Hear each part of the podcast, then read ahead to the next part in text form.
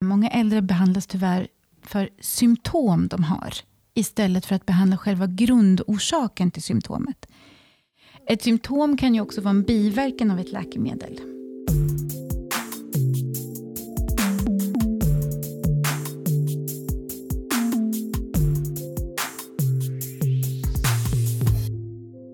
Hej och välkommen till det 44 avsnittet av FoU-podden. Det här avsnittet kommer att handla om läkemedel i äldreomsorgen. Jag som gör podden heter Lena Stenbrink och är kommunikatör på FoU i Sörmland. Och med mig här i studion idag har jag Rim Alfara, Jessica Loaiza och Matilda Gränsmark. Varmt välkomna! Tackar. Tack, tack. tack. Vi börjar som vanligt med att ni får presentera er. Mm. Hej, jag heter Rim Alfarra, är klinisk apotekare och jobbar på Läkemedelskommittén i Sörmland. Jag är också samordnare för de kliniska apotekarna som jobbar i länet.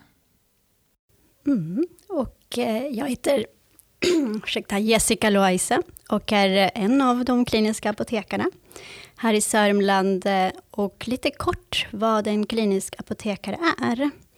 Det är en apotekare som har gått en specialistutbildning för klinisk träning för att på bästa sätt kunna, ja, kunna medverka i eh, patientnära sjukvårdsarbete. Så vi är en i vårdteamet och eh, bidrar då med våra läkemedelskunskaper till personal i form av eh, till exempel läkemedelsgenomgångar som görs där. Eller patienten direkt i form av läkemedelssamtal som vi har på avdelningen eller vårdcentraler. Och jag heter Matilda Gränsmark och jobbar som utvecklingsledare här på FoU i Sörmland. Eh, ja, nu är du inne lite på vad ni gör, men eh, vad är uppdraget? Jessica nämnde ju att vi jobbar både vårdnära och patientnära. När vi jobbar vårdnära innebär det att vi är kliniska. Vi jobbar kliniskt tillsammans med övrig hälso och sjukvårdspersonal. Vi finns tillgängliga på plats för att bidra med vår farmaceutiska kompetens. Vi svarar på läkemedelsrelaterade frågor, både på allmän nivå men också bryter ner det på individnivå. Som att besvara vilket läkemedelsval är mest lämpligt för just den här individen med tanke på övriga sjukdomar och eh, övriga läkemedel som finns. Jessica nämnde också att vi jobbar patientnära. Och I det patientnära arbetet så försöker vi fokusera på att tala direkt till patienten i den mån det går. Försöka ge patienten, få så mycket information som möjligt om hur patienten tar sina läkemedel, vilka läkemedel de tar, för att sen kunna ge allmänna råd, både direkt till patienten om det handlar om direkt läkemedelshanteringsfrågor, men också föra vidare informationen till ansvarig läkare, om det är något speciellt vi hittar. Och allt det här går ju ut på att vi vill försöka främja en så god och säker läkemedelsbehandling som möjligt. Mm. Möter ni patienten, bara ni och patienten, eller är det hela teamet tillsammans, eller hur funkar själva mötet? Mm. Vi finns lite utspridda. Vi, dels så finns vi på tio vårdavdelningar, spridda på Mälarsjukhuset, Nyköpings lasarett och Kullbergska sjukhuset. Och när vi jobbar på sjukhuset så jobbar vi i teamet vi sitter med, vi deltar i ronden eh, och sitter med och, och, och, är aktivt deltagande helt enkelt på ronden. Sen så träffar vi i den mån det går också direkt patienten och har ett eget så kallat fördjupat läkemedelssamtal med patienten. Um, och det blir liksom som att vi är lite länken mellan patienten och hälso och sjukvårdspersonalen när det just handlar om läkemedelsfrågor. Vi träffar även patienten direkt på vårdcentraler. Vi samarbetar med majoriteten av vårdcentralerna i länet, där vi har eh, specifika tider där man kan boka in patienter för att eh, komma till en apotekare och prata just specifikt om sina läkemedel.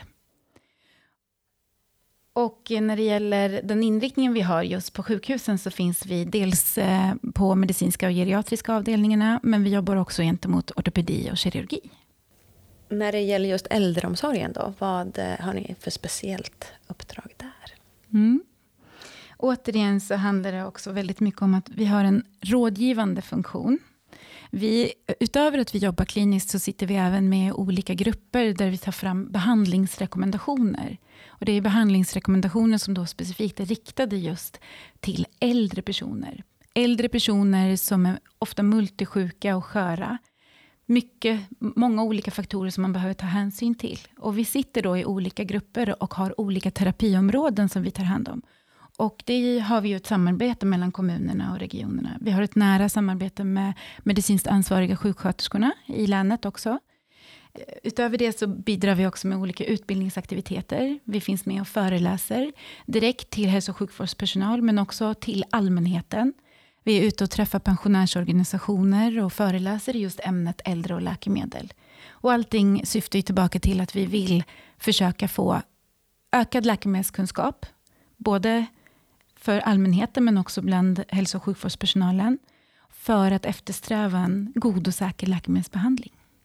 Eh, och jag förstår att det kanske är speciellt då för äldre. Och eh, då tänkte jag att du kunde berätta lite, vad är det som händer i kroppen när man blir äldre? Mm. Jag tänkte först bara inleda med att säga att i Sörmland, Sörmland har ju en åldrande befolkning, precis som det ser ut. Lika, det ser precis likadant ut i övriga landet. Eh, ungefär 10 procent av Sörmlands befolkning är 75 år och äldre. Och när man tittar lite närmare på hur mycket läkemedel de konsumerar, så finns det siffror som visar att ungefär 30 procent av all läkemedelsvolym som förskrivs och hämtas ut från apoteken eh, konsumerar då de här 10 procenten av befolkningen. Och då är det jätteviktigt att känna till att eh, det finns en del fysiologiska förändringar som sker i kroppen med stigande ålder. Och Det är förändringar som är viktiga att ta hänsyn till när man sen ska välja ett läkemedel åt en äldre person. Det är förändringar som hör ihop med kroppssammansättningen. Eh, vi får mindre andel vatten, mindre andel muskelmassa och högre andel fettmassa. Och Det har en avgörande betydelse för vilket läkemedel man ska välja till den här patienten. Läkemedel som gärna löser upp sig och, och, och, sprider sig i fettmassa stannar ju också kvar längre tid då hos en äldre person som har en annan kroppssammansättning. Vilket kan leda till att de ofta får andra typer av biverkningar eller, eller förlängd effekt av ett läkemedel, ett fettlösligt läkemedel. Får jag bara sätta in en fråga där? Ja. För det här, då börjar jag tänka, men människor i alla åldrar har ju olika kroppssammansättning. Även om just det här med vätska och det var helt nytt för mig. Men jag tänker att eh, man har olika mycket muskler, olika mycket fett. Mm. Det måste ju också påverka då vilken medicin man får eller bör få. Ja, till viss del. För det är också så att en annan sak som är väldigt viktigt att ta hänsyn till, som också hör ihop med det här, det är ju organfunktionen. Den har egentligen ännu större betydelse för vilket läkemedel man använder. Eh, när vi blir äldre så sker det naturligt att våra exempelvis njurar, njurarnas förmåga att rensa kroppen av läkemedel och läkemedelsrester blir sämre med åldern. Och det startar faktiskt ganska tidigt. Det startar redan runt 40-årsåldern, men den blir ju mer och mer påtaglig ju äldre vi blir. Och dessutom så är det ju så att äldre har ju oftare andra kroniska sjukdomar som också i sin tur påverkar organfunktionen i högre utsträckning. Så att risken för att det blir eh, organsvikt är ju högre hos en äldre person. Och eh, Det är ju en jätteviktig faktor som man behöver ta hänsyn till när vi väljer ett läkemedel. Om ett läkemedel utsöndras via njurarna, det vill säga om kroppen rensar läkemedlet via njurarna, så, eh, och vi inte tar hänsyn till det här, så finns det en risk att läkemedlet då ansamlas i kroppen hos en äldre person. Och Det leder i sin tur till oönskade effekter eller biverkningar. Ja, ja. Andra förändringar som också sker i kroppen, det är ju olika reglermekanismer som vi har naturligt i vår kropp. Eh, och ett exempel på det är ju bland annat att vi har olika signalämnen som tillverkas eller produceras i hjärnan. Och när vi blir äldre så blir det mindre produktion av de här viktiga signalämnena. Det är signalämnen som hör ihop med vårt välbefinnande, till exempel serotonin och noradrenalin. Det är signalämnen som hör ihop med vår motorik, till exempel dopamin. Det är också signalämnen som hör ihop med vår kognitiva förmåga, exempelvis acetylkolin. Och här vill jag stanna upp lite och flagga för att det finns otroligt många läkemedel som också då kan påverka de här olika signalämnena. Och Det gör att hos en äldre person med de här olika förändringarna så är de mycket känsligare för läkemedel som just påverkar de här signalämnena. Åtminstone sådana läkemedel som motverkar de här signalämnena ännu mer. Då får de ju ännu mer brist på det här och det leder till eh, ännu tydligare symptom eller biverkningar. Till exempel så finns det läkemedel som också motverkar signalämnet acetylkolin. Och acetylkolin är ett jätteviktigt signalämne som hör ihop med bland annat vårt minne och vår kognitiva funktion överlag. Ger vi en äldre person ett sådant läkemedel, ett läkemedel som då motverkar acetylkolin, då finns det risk att den här personen får symptom som liknar symptom vid en demenssjukdom. Man blir lättare förvirrad, man eh, glömmer lättare bort saker. Och sen är det andra funktioner som också blir sämre. Man kan drabbas av yrsel, muntorrhet, förstoppning. Eh, jag tänker på det som du nämner nu Rim, eh, de här biverkningarna som man kan se, som man skulle kunna blanda ihop med en kognitiv eh, svikt eller kognitiv sjukdom. Hur ska man tänka då om man är i äldreomsorgen som undersköterska eller som sjuksköterska om man inte riktigt vet? Hur, vad gör man? Det är jätteviktigt att försöka se samband att tänka, är det något nytt läkemedel som har blivit insatt nyligen? Eller utsatt nyligen? För det kan ju vara, höra ihop med både insättningar och utsättningar av läkemedel. Och se, försöka se, eh, kan det höra ihop med något av de här förändringarna som har skett i patientens läkemedelsbehandling? Och signalera. Jätteviktigt att då reflektera över, vad kan, det, vad kan ha hänt? Att man också då signalerar det till ansvarig, om man är undersköterska och märker det här, att man signalerar det till ansvarig sjuksköterska.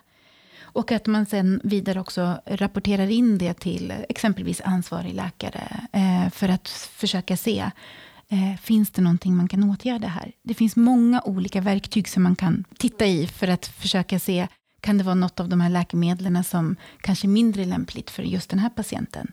Ja, men jättebra, för då tänker jag att, att man som i verksamheten ska ha tanken också kring läkemedel när det är saker som förändras. Att läkemedel också har stor påverkansfaktor och har den dialogen med sin, sin sjuksköterska på, i verksamheten när man märker att någonting är förändrat. Absolut, och jag vill också bara poängtera att det handlar inte bara om nyinsättningar, precis som jag nämnde.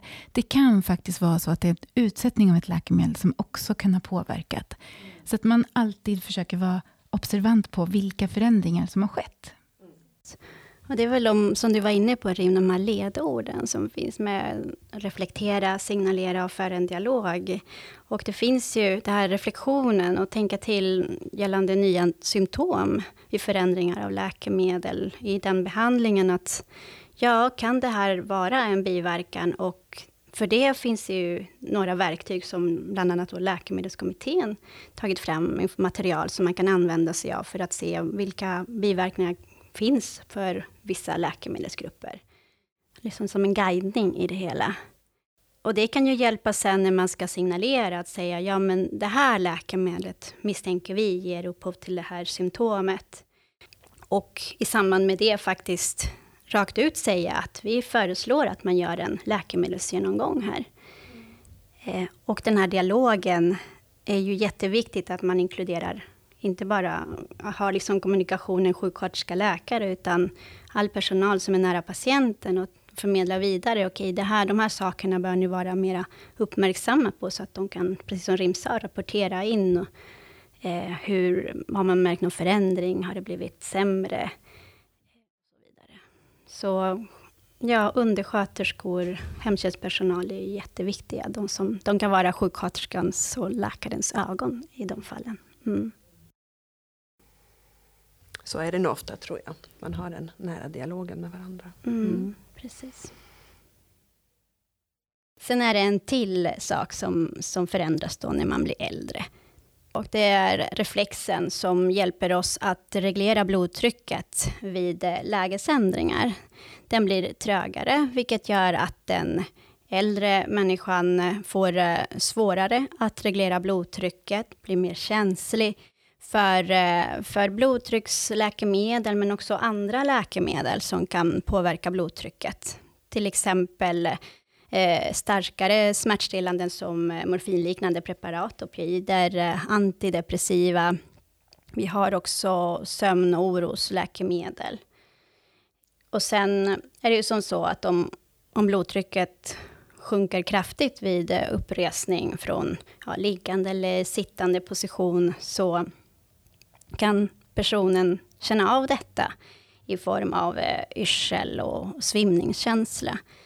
Så därför brukar vi eh, rekommendera att man kontrollerar ortostatiskt blodtryck eh, och förstås individanpassar läkemedelsbehandlingen. Men eh, hela den här, det här avsnittet av podden handlar ju nu om läkemedel i äldreomsorgen.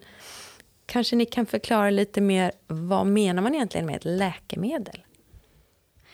Ett eh, läkemedel det är en produkt som kan användas av människor eller djur för att eh, lindra sjukdom eller tillstånd, till exempel eh, smärtlindrande läkemedel.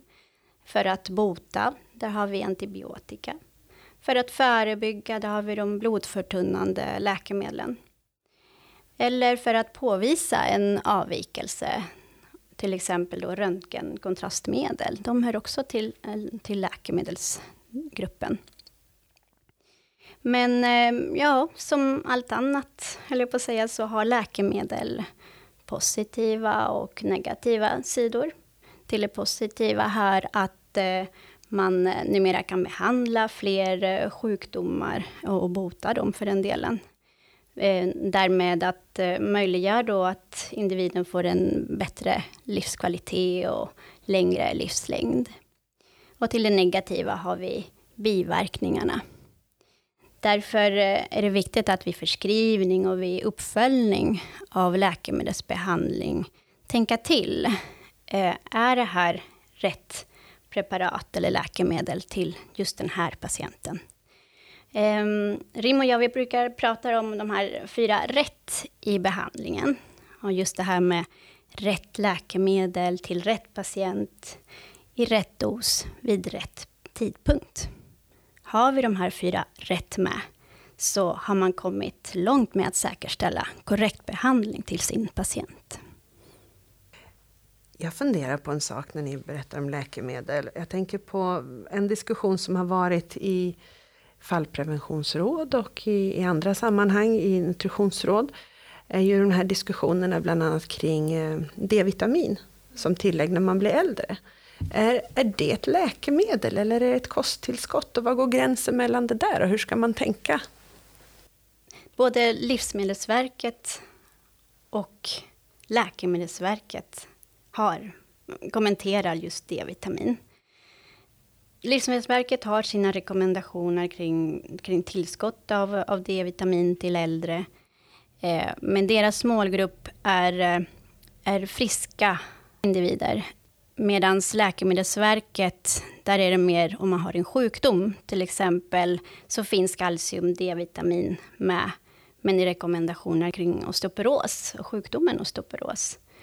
Eh, och läkare kan då förskriva kalcium, D-vitamintillskott och finns med i FASS och så vidare. Så, och då blir det ett läkemedel om det är förskrivet? Ja, precis om det är förskrivet. Eller till exempel just det här med D-vitamin. Om man har en konstaterad D-vitaminbrist så får man ju det förskrivet av en läkare. Då behandlar man ju ett tillstånd, eller kompenserar ett tillstånd. Och då räknas det också som ett läkemedel.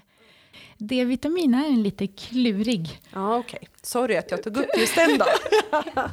ja, men det är sånt som dyker upp ibland i olika sammanhang, frågan kring. Mm. Och just vad, vad, ett läkemedel är och vad ett kosttillskott är och vad, mm. vad gränsen däremellan. Så. Men det du tar upp är ju otroligt viktigt, för det är en viktig faktor som vi tar hänsyn till när vi gör läkemedelsgenomgångar. Vi efterfrågar alltid om patienten tar naturläkemedel, kosttillskott eller receptfria läkemedel. För det har, kan ha en avgörande betydelse för hur de andra med, eh, ordinerade läkemedlen, eller de receptskrivna läkemedlen som patienten har, hur de fungerar. Det kan vara så att det, att det kan ske en läkemedelsinteraktion däremellan. Att de krockar på något sätt, exempelvis. Mm. Eller att man förskriver kalcium och D-vitamin och sen så står patienten redan på kalciumtillskott. Liksom, eller D-vitamintillskott. Och då blir det liksom för mycket mm. utav det. Ja, men visst, det måste ju mm. påverka. Mm. Mm. Så om vi kan försöka sammanfatta lite då. Om man eh, jobbar inom äldreomsorgen som undersköterska eller sjuksköterska. Eh, vad är det bra att känna till om läkemedelshantering? Först och främst så är det ju så att eh, varje verksamhet har egentligen en lokal rutin kring läkemedelshantering. Eh, och det, den är ju ett av de viktigaste som man bör känna till. Vad är de lokala rutinerna som gäller på just den här arbetsplatsen för läkemedelshantering? Sen så har ju Läkemedelskommittén också tagit fram ett övergripande häfte eh, som heter Läkemedelshantering i Sörmland. Eh, och det inkluderar allt ifrån lagar och regler Eh, från eh, Socialstyrelsen exempelvis, vad som gäller kring läkemedelshantering. Läkemedelshantering är ett otroligt stort begrepp, inkluderar allt ifrån ordination, administrering, iordningställande fram till att patienten verkligen sväljer eh, tabletten, eh, eller tar tabletten eller medicinen på rätt sätt. Och eh, läkemedelshantering i Sörmland, det brukar oftast i dagligt tal kallas för läkemedelshanteringshäftet. Men om man ska söka på det, till exempel där den finns på samverkanswebben, så behöver man skriva läkemedelshantering i Sörmland.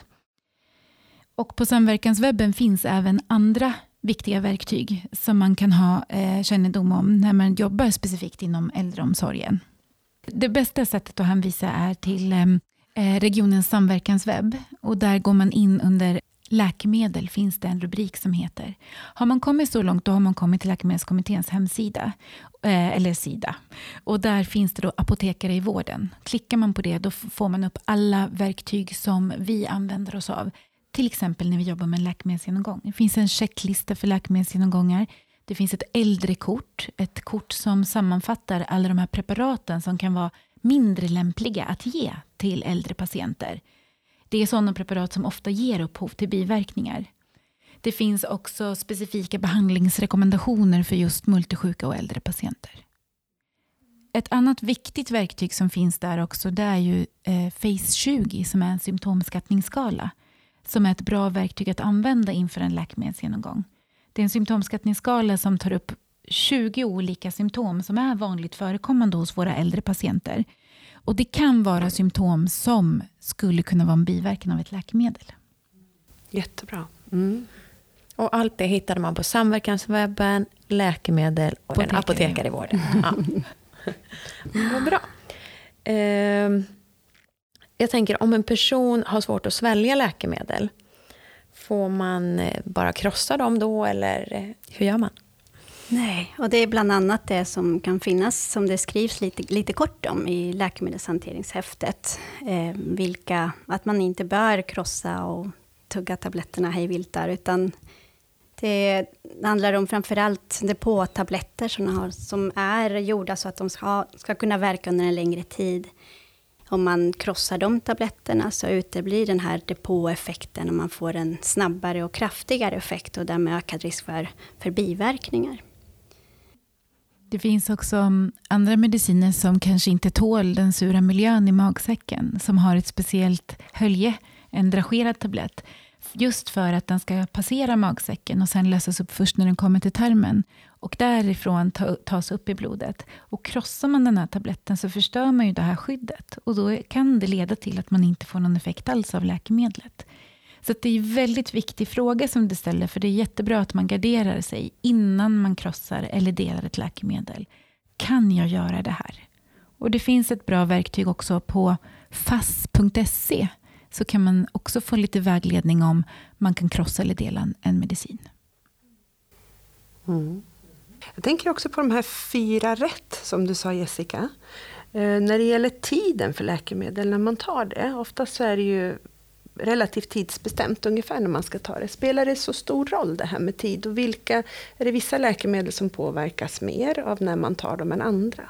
Det beror alldeles på hur, hur läkemedlet verkar. Eh, vissa läkemedel så ska man ta dem på kvällen på grund av att de ger bäst effekt då. Till exempel eh, Simvastatin brukar vara det klassiska, att man ska ta det på kvällen. Just Simvastatin. Det andra kan stå på varianten som heter Atorvastatin och det är inte lika viktigt. De hör till samma grupp, men det är inte lika viktigt att just Atorvastatin tas på kvällen. Och det har att göra med just, att just Simvastatinet det har en kort effektduration som gör att man gärna vill förlägga det till den tidpunkten då, då kroppens kolesterolproduktion sker, det vill säga på kvällen. Så därför ska man ta den tabletten på kvällen. Det är ett exempel. Eh, sen kan det ha att göra med Eh, effekt och biverkan kan man säga. Till exempel mitrazapin, det, det har en lugnande effekt men också en, en eh, effekt på sömnen. Och därför vill man gärna att det läkemedlet tas på kvällen för att man ska utnyttja den här biverkan som är effekten på sömnen. Så det är några exempel på att det kan spela roll vilken tidpunkt man tar dem på. Jag funderar på en sak. Eh, det här med läkemedel och äldre, så som, som det ser ut idag inom äldreomsorgen, har det skett någon förändring eh, över tid? Eller är det ungefär som det alltid har varit? Eller hur, hur är det i dagsläget med läkemedel just för äldre? Mm. Um, vi vet att läkemedelsanvändningen hos äldre personer har ökat ganska kraftigt de senaste 25 åren. Och det beror ju lite på också att vi har ju mycket större möjlighet att behandla nu. Vi kan behandla fler diagnoser, vi kan bota fler diagnoser. Det finns ett större eh, preparatval idag, eller ett, ett större omfång av läkemedel som man kan välja just för att behandla äldre personer. Men en orsak också till att det har blivit så här att många äldre står på flera läkemedel, upp till 10, 15, 20 olika läkemedel. Det är också att vi vet att eh, många äldre behandlas tyvärr för symptom de har, istället för att behandla själva grundorsaken till symptomet. Ett symptom kan ju också vara en biverkan av ett läkemedel. Mm. Vilket gör att man behandlar egentligen en biverkan av ett läkemedel med ett annat läkemedel som kanske i sin tur ger upphov till en annan biverkan. Och så sätter man in ett annat läkemedel för att behandla det här. Det här brukar lite fint för, kallas för eh, förskrivningskaskad. Att det blir liksom en kaskad av förskrivning. Man lägger in läkemedel efter läkemedel för att man behandlar nytillkomna symptom. Istället för att stanna upp lite och tänka, vad kan ha orsakat det här symptomet? Det absolut enklaste exemplet som jag ofta brukar ta är att Eh, många läkemedel ger upphov till förstoppning. Och då är det väldigt enkelt att sätta in ett läkemedel som förebygger förstoppning eller behandlar förstoppning. Men man skulle kunna stanna upp och tänka, finns det ett alternativ till det här läkemedlet som ger samma effekt men inte har den här risken att ge förstoppning? Då kan vi ju faktiskt motverka det här med att det blir bara fler och fler antal läkemedel. Och att, att en patient har många läkemedel brukar kallas polyfarmaci. Ja, men precis. Och det, det är det som du var inne på, Rim, att man behandlas just med många läkemedel. Och man brukar dra en gräns där, att man behandlas med fem eller fler läkemedel. Eh, som du också var inne på, Rim, så är det ju det här, de riskerna som det medför. Att eh, det blir det blir högre, större risk för eh, olämpliga läkemedelskombinationer. Eh, biverkningar också förstås. Att eh, veta vad som är vad, vad är, vad är symptom på sjukdom, vad är biverkan. Eh, Eh, ja, man kan tänka, när man tänker biverkningar så kan man tänka på de här eh, livshotande ibland. Men det finns de här mildare varianterna som, som du nämnde, RIM, till exempel förstoppning, muntorrhet. Eh, man tänker, ja men det är väl inte så farligt kanske, men för individen kan det vara lika viktigt där för dess livskvalitet och sociala funktion. Så ja, olämpliga läkemedelskombinationer och biverkningar och veta vad som är vad och, vad och spåra också. Eh, vilket läkemedel som, som ligger bakom en specifik biverkan. Det blir svårare när man står på många läkemedel. Det blir också mycket svårare att hantera sina läkemedel på rätt sätt när man har flera olika läkemedel det kan vara väldigt svårt att veta, ska man ta det här med mat eller utan mat? Ska man ta det här skilt ifrån något annat läkemedel? Kan, gör jag rätt? Kan jag ta alla 15 tabletter samtidigt på morgonen?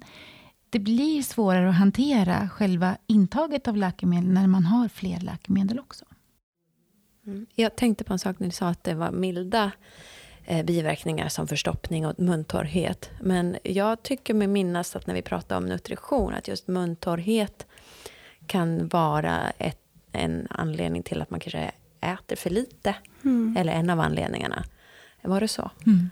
Ja. Och sen även tandhälsan påverkas ja, väl av det? Absolut. Mm, det blir svårare att tugga maten också när du är extremt torr i munnen.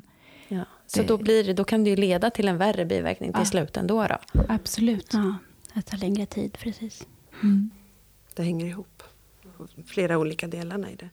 Svårt tänker jag. Har man, jag tänker, har man en eh, övergripande koll ändå på alla de här 15 läkemedlen? Den som förskriver ett nytt läkemedel, ser de alla 15?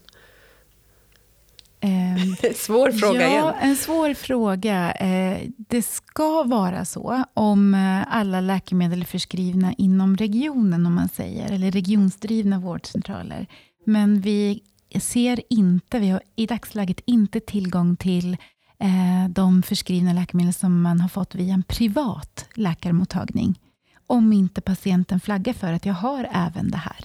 Okej. Mm. Och då kan det vara svårt att härleda biverkningarna från dem om man inte ser dem. kan vara svårt. Det kan också vara så, och det är inte så ovanligt att äldre faktiskt söker sig till ol- olika vårdgivare. Ehm, Så länge man håller sig inom regionen så har vi tillgång till samma, det är samma journal.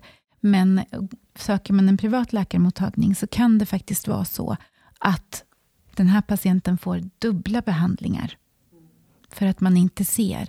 Och Då krävs det att man, har, att man själv är alert som patient, att man talar om att jag har även det och det. Eller att man har en anhörig som kan flagga för att min mamma eller pappa har även det här och det här läkemedlet. Precis, så därför har vi just de här läkemedelssamtalen med patienten. Det är till för massor, skulle jag vilja säga. Vi stöttar personalen med där att ta reda på vilka läkemedel som patienten faktiskt tar. Mm. Allting som du sa, Rim, syns inte i journalen. Och det är inte sällan det framkommer till och med att de står på blodförtunnande läkemedel och ska opereras. Och då var det bra att vi just identifierade det tidigt innan de opererade så det blev komplikationer exempelvis. Eh, Så det är väl sånt. Och läkemedelsgenomgångarna förstås, där man går igenom varje läkemedel som patienter står på och behandlingen som sådan i sin helhet och anpassar den till, till individens förutsättningar. Kan även anhöriga vara med på de här samtalen ni har med läkemedelsgenomgångarna?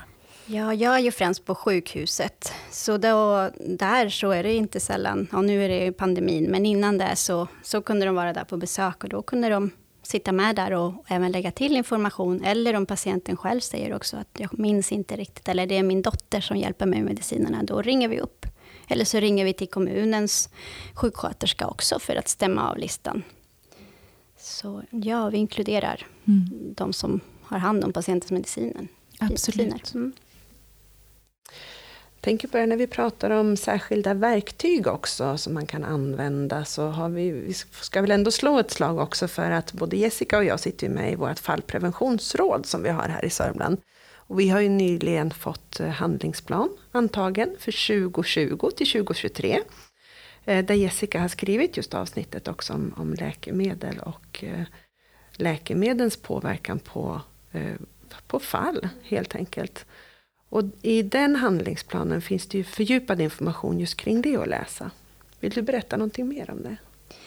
Eh, ja, alltså det bygger ju mycket på, på information som också Socialstyrelsen har tagit fram. Eh, Socialstyrelsen har ju den här stora kampanjen med Balansera Mera. Och där har de också tagit upp det här med läkemedel och mycket annat som kan påverka fallrisken. Eh, Socialstyrelsen kom ut med en rapport också specifikt om, om läkemedel och fall hos äldre. Och där eh, skriver man att just opioider och antidepressiva är de som, som orsakar flest fallskador hos äldre. Jag tänker, vi har ju också ett nutritionsråd här i Sörmland och vi har ju haft två dietister som har pratat om undernäring eh, här i podden också. Jag är lite nyfiken på eh, just läkemedels påverkan. Kan, kan läkemedel också ha påverkan på aptit? Eh, är det någonting man ska tänka på när man jobbar i äldreomsorgen? Ja, absolut. Det finns Mm. många läkemedel som både kan minska aptiten men även öka aptiten.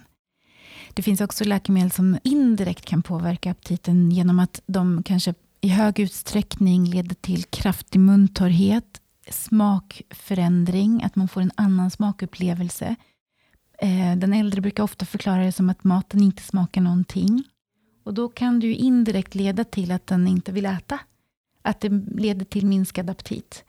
Det finns också läkemedel som kraftigt påverkar tarmmotoriken, att man blir otroligt förstoppad. Och det i sig påverkar ju också aptiten hos den äldre patienten.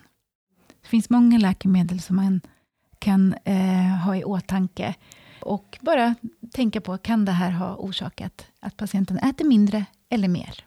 Gäller samma sak där då, att man som undersköterska eller sjuksköterska i, i äldreomsorgen ska vara uppmärksam på det och ha det här lite analyserande tänkandet och, och lägga ihop ett och ett och sen se om man kan göra förändringar eller hur, hur ska man tänka? Det tycker jag absolut. Och ett viktigt exempel är de här medicinerna som man använder hos personer med demenssjukdom. Mm. En del av dem kan göra att man får mindre aptit. Och eh, då kanske man inte ska tänka att det är patientens demenssjukdom som orsakar det här. Utan man behöver även observera eller tänka på att det kan vara läkemedlet som gör det här. För många gånger så förknippar man det med personens grunddiagnos. Att det är grunddiagnosen som kanske har blivit sämre. Att det är det som leder till att patienten får en sämre aptit. Men många gånger handlar det om läkemedelsbiverkan. Mm. Så det tycker jag absolut att man ska vara observant på och mm. rapportera. Mm. Ja, vad bra. Mm. Men det här var jättespännande att höra. Och eh, hur ser det ut framöver? Är det några förändringar på gång i länet eller i samarbetet med oss på FoU i Sörmland? Eller? Mm. Ska vi nämna där Rim? Eh, vi sitter ju tillsammans båda med i beredningsgrupp äldre som är en del av den regionala samverkansstrukturen eller det som vi också kallar närvårdsstrukturen. Just kring äldrefrågor och sen har det ju bildats ett lokalt programområde för äldre.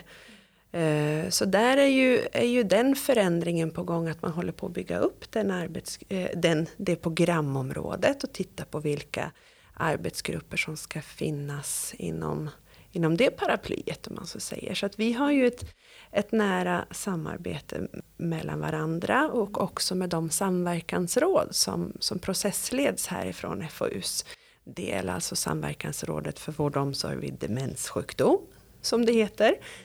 Eh, där vi förra året fick antaget ett eh, länsgemensamt program där du skrev delarna kring, kring kognitiva läkemedelsbehandling vid ja. kognitiv svikt. Precis. precis. Mm. Och särskilt då med inriktning på Alzheimers sjukdom. Ja, ja men precis. Och också BPSD. Och BPSD-kapitlet mm. också. Precis. Ja, Mm. Och sen så har ju Jessica och jag, som vi nämnde tidigare, samverkan i fallpreventionsrådet. Eh, mm. Och palliativa rådet har vi också samverkan i. Mm. Eh, så så ser det ut. Så det, det vi håller på att kika på är de här rådens organisatoriska placering nu när vi också har lokala programområden. Så att eh, vi får se hur det utvecklas framåt. Eh, men det som i alla fall är värt att nämna är att vi har en nära och bra samverkan tycker jag kring de här frågorna. Mm. Absolut. Mm. Mm. Men då får jag säga tack så jättemycket för att ni ville vara med och berätta om det här. Tackar. Tack, tack. tack för att vi fick komma hit. Och till dig som har lyssnat så vill jag säga tack så mycket för att du har lyssnat och hoppas att du även vill höra nästa avsnitt av FoU-podden. Hej hej!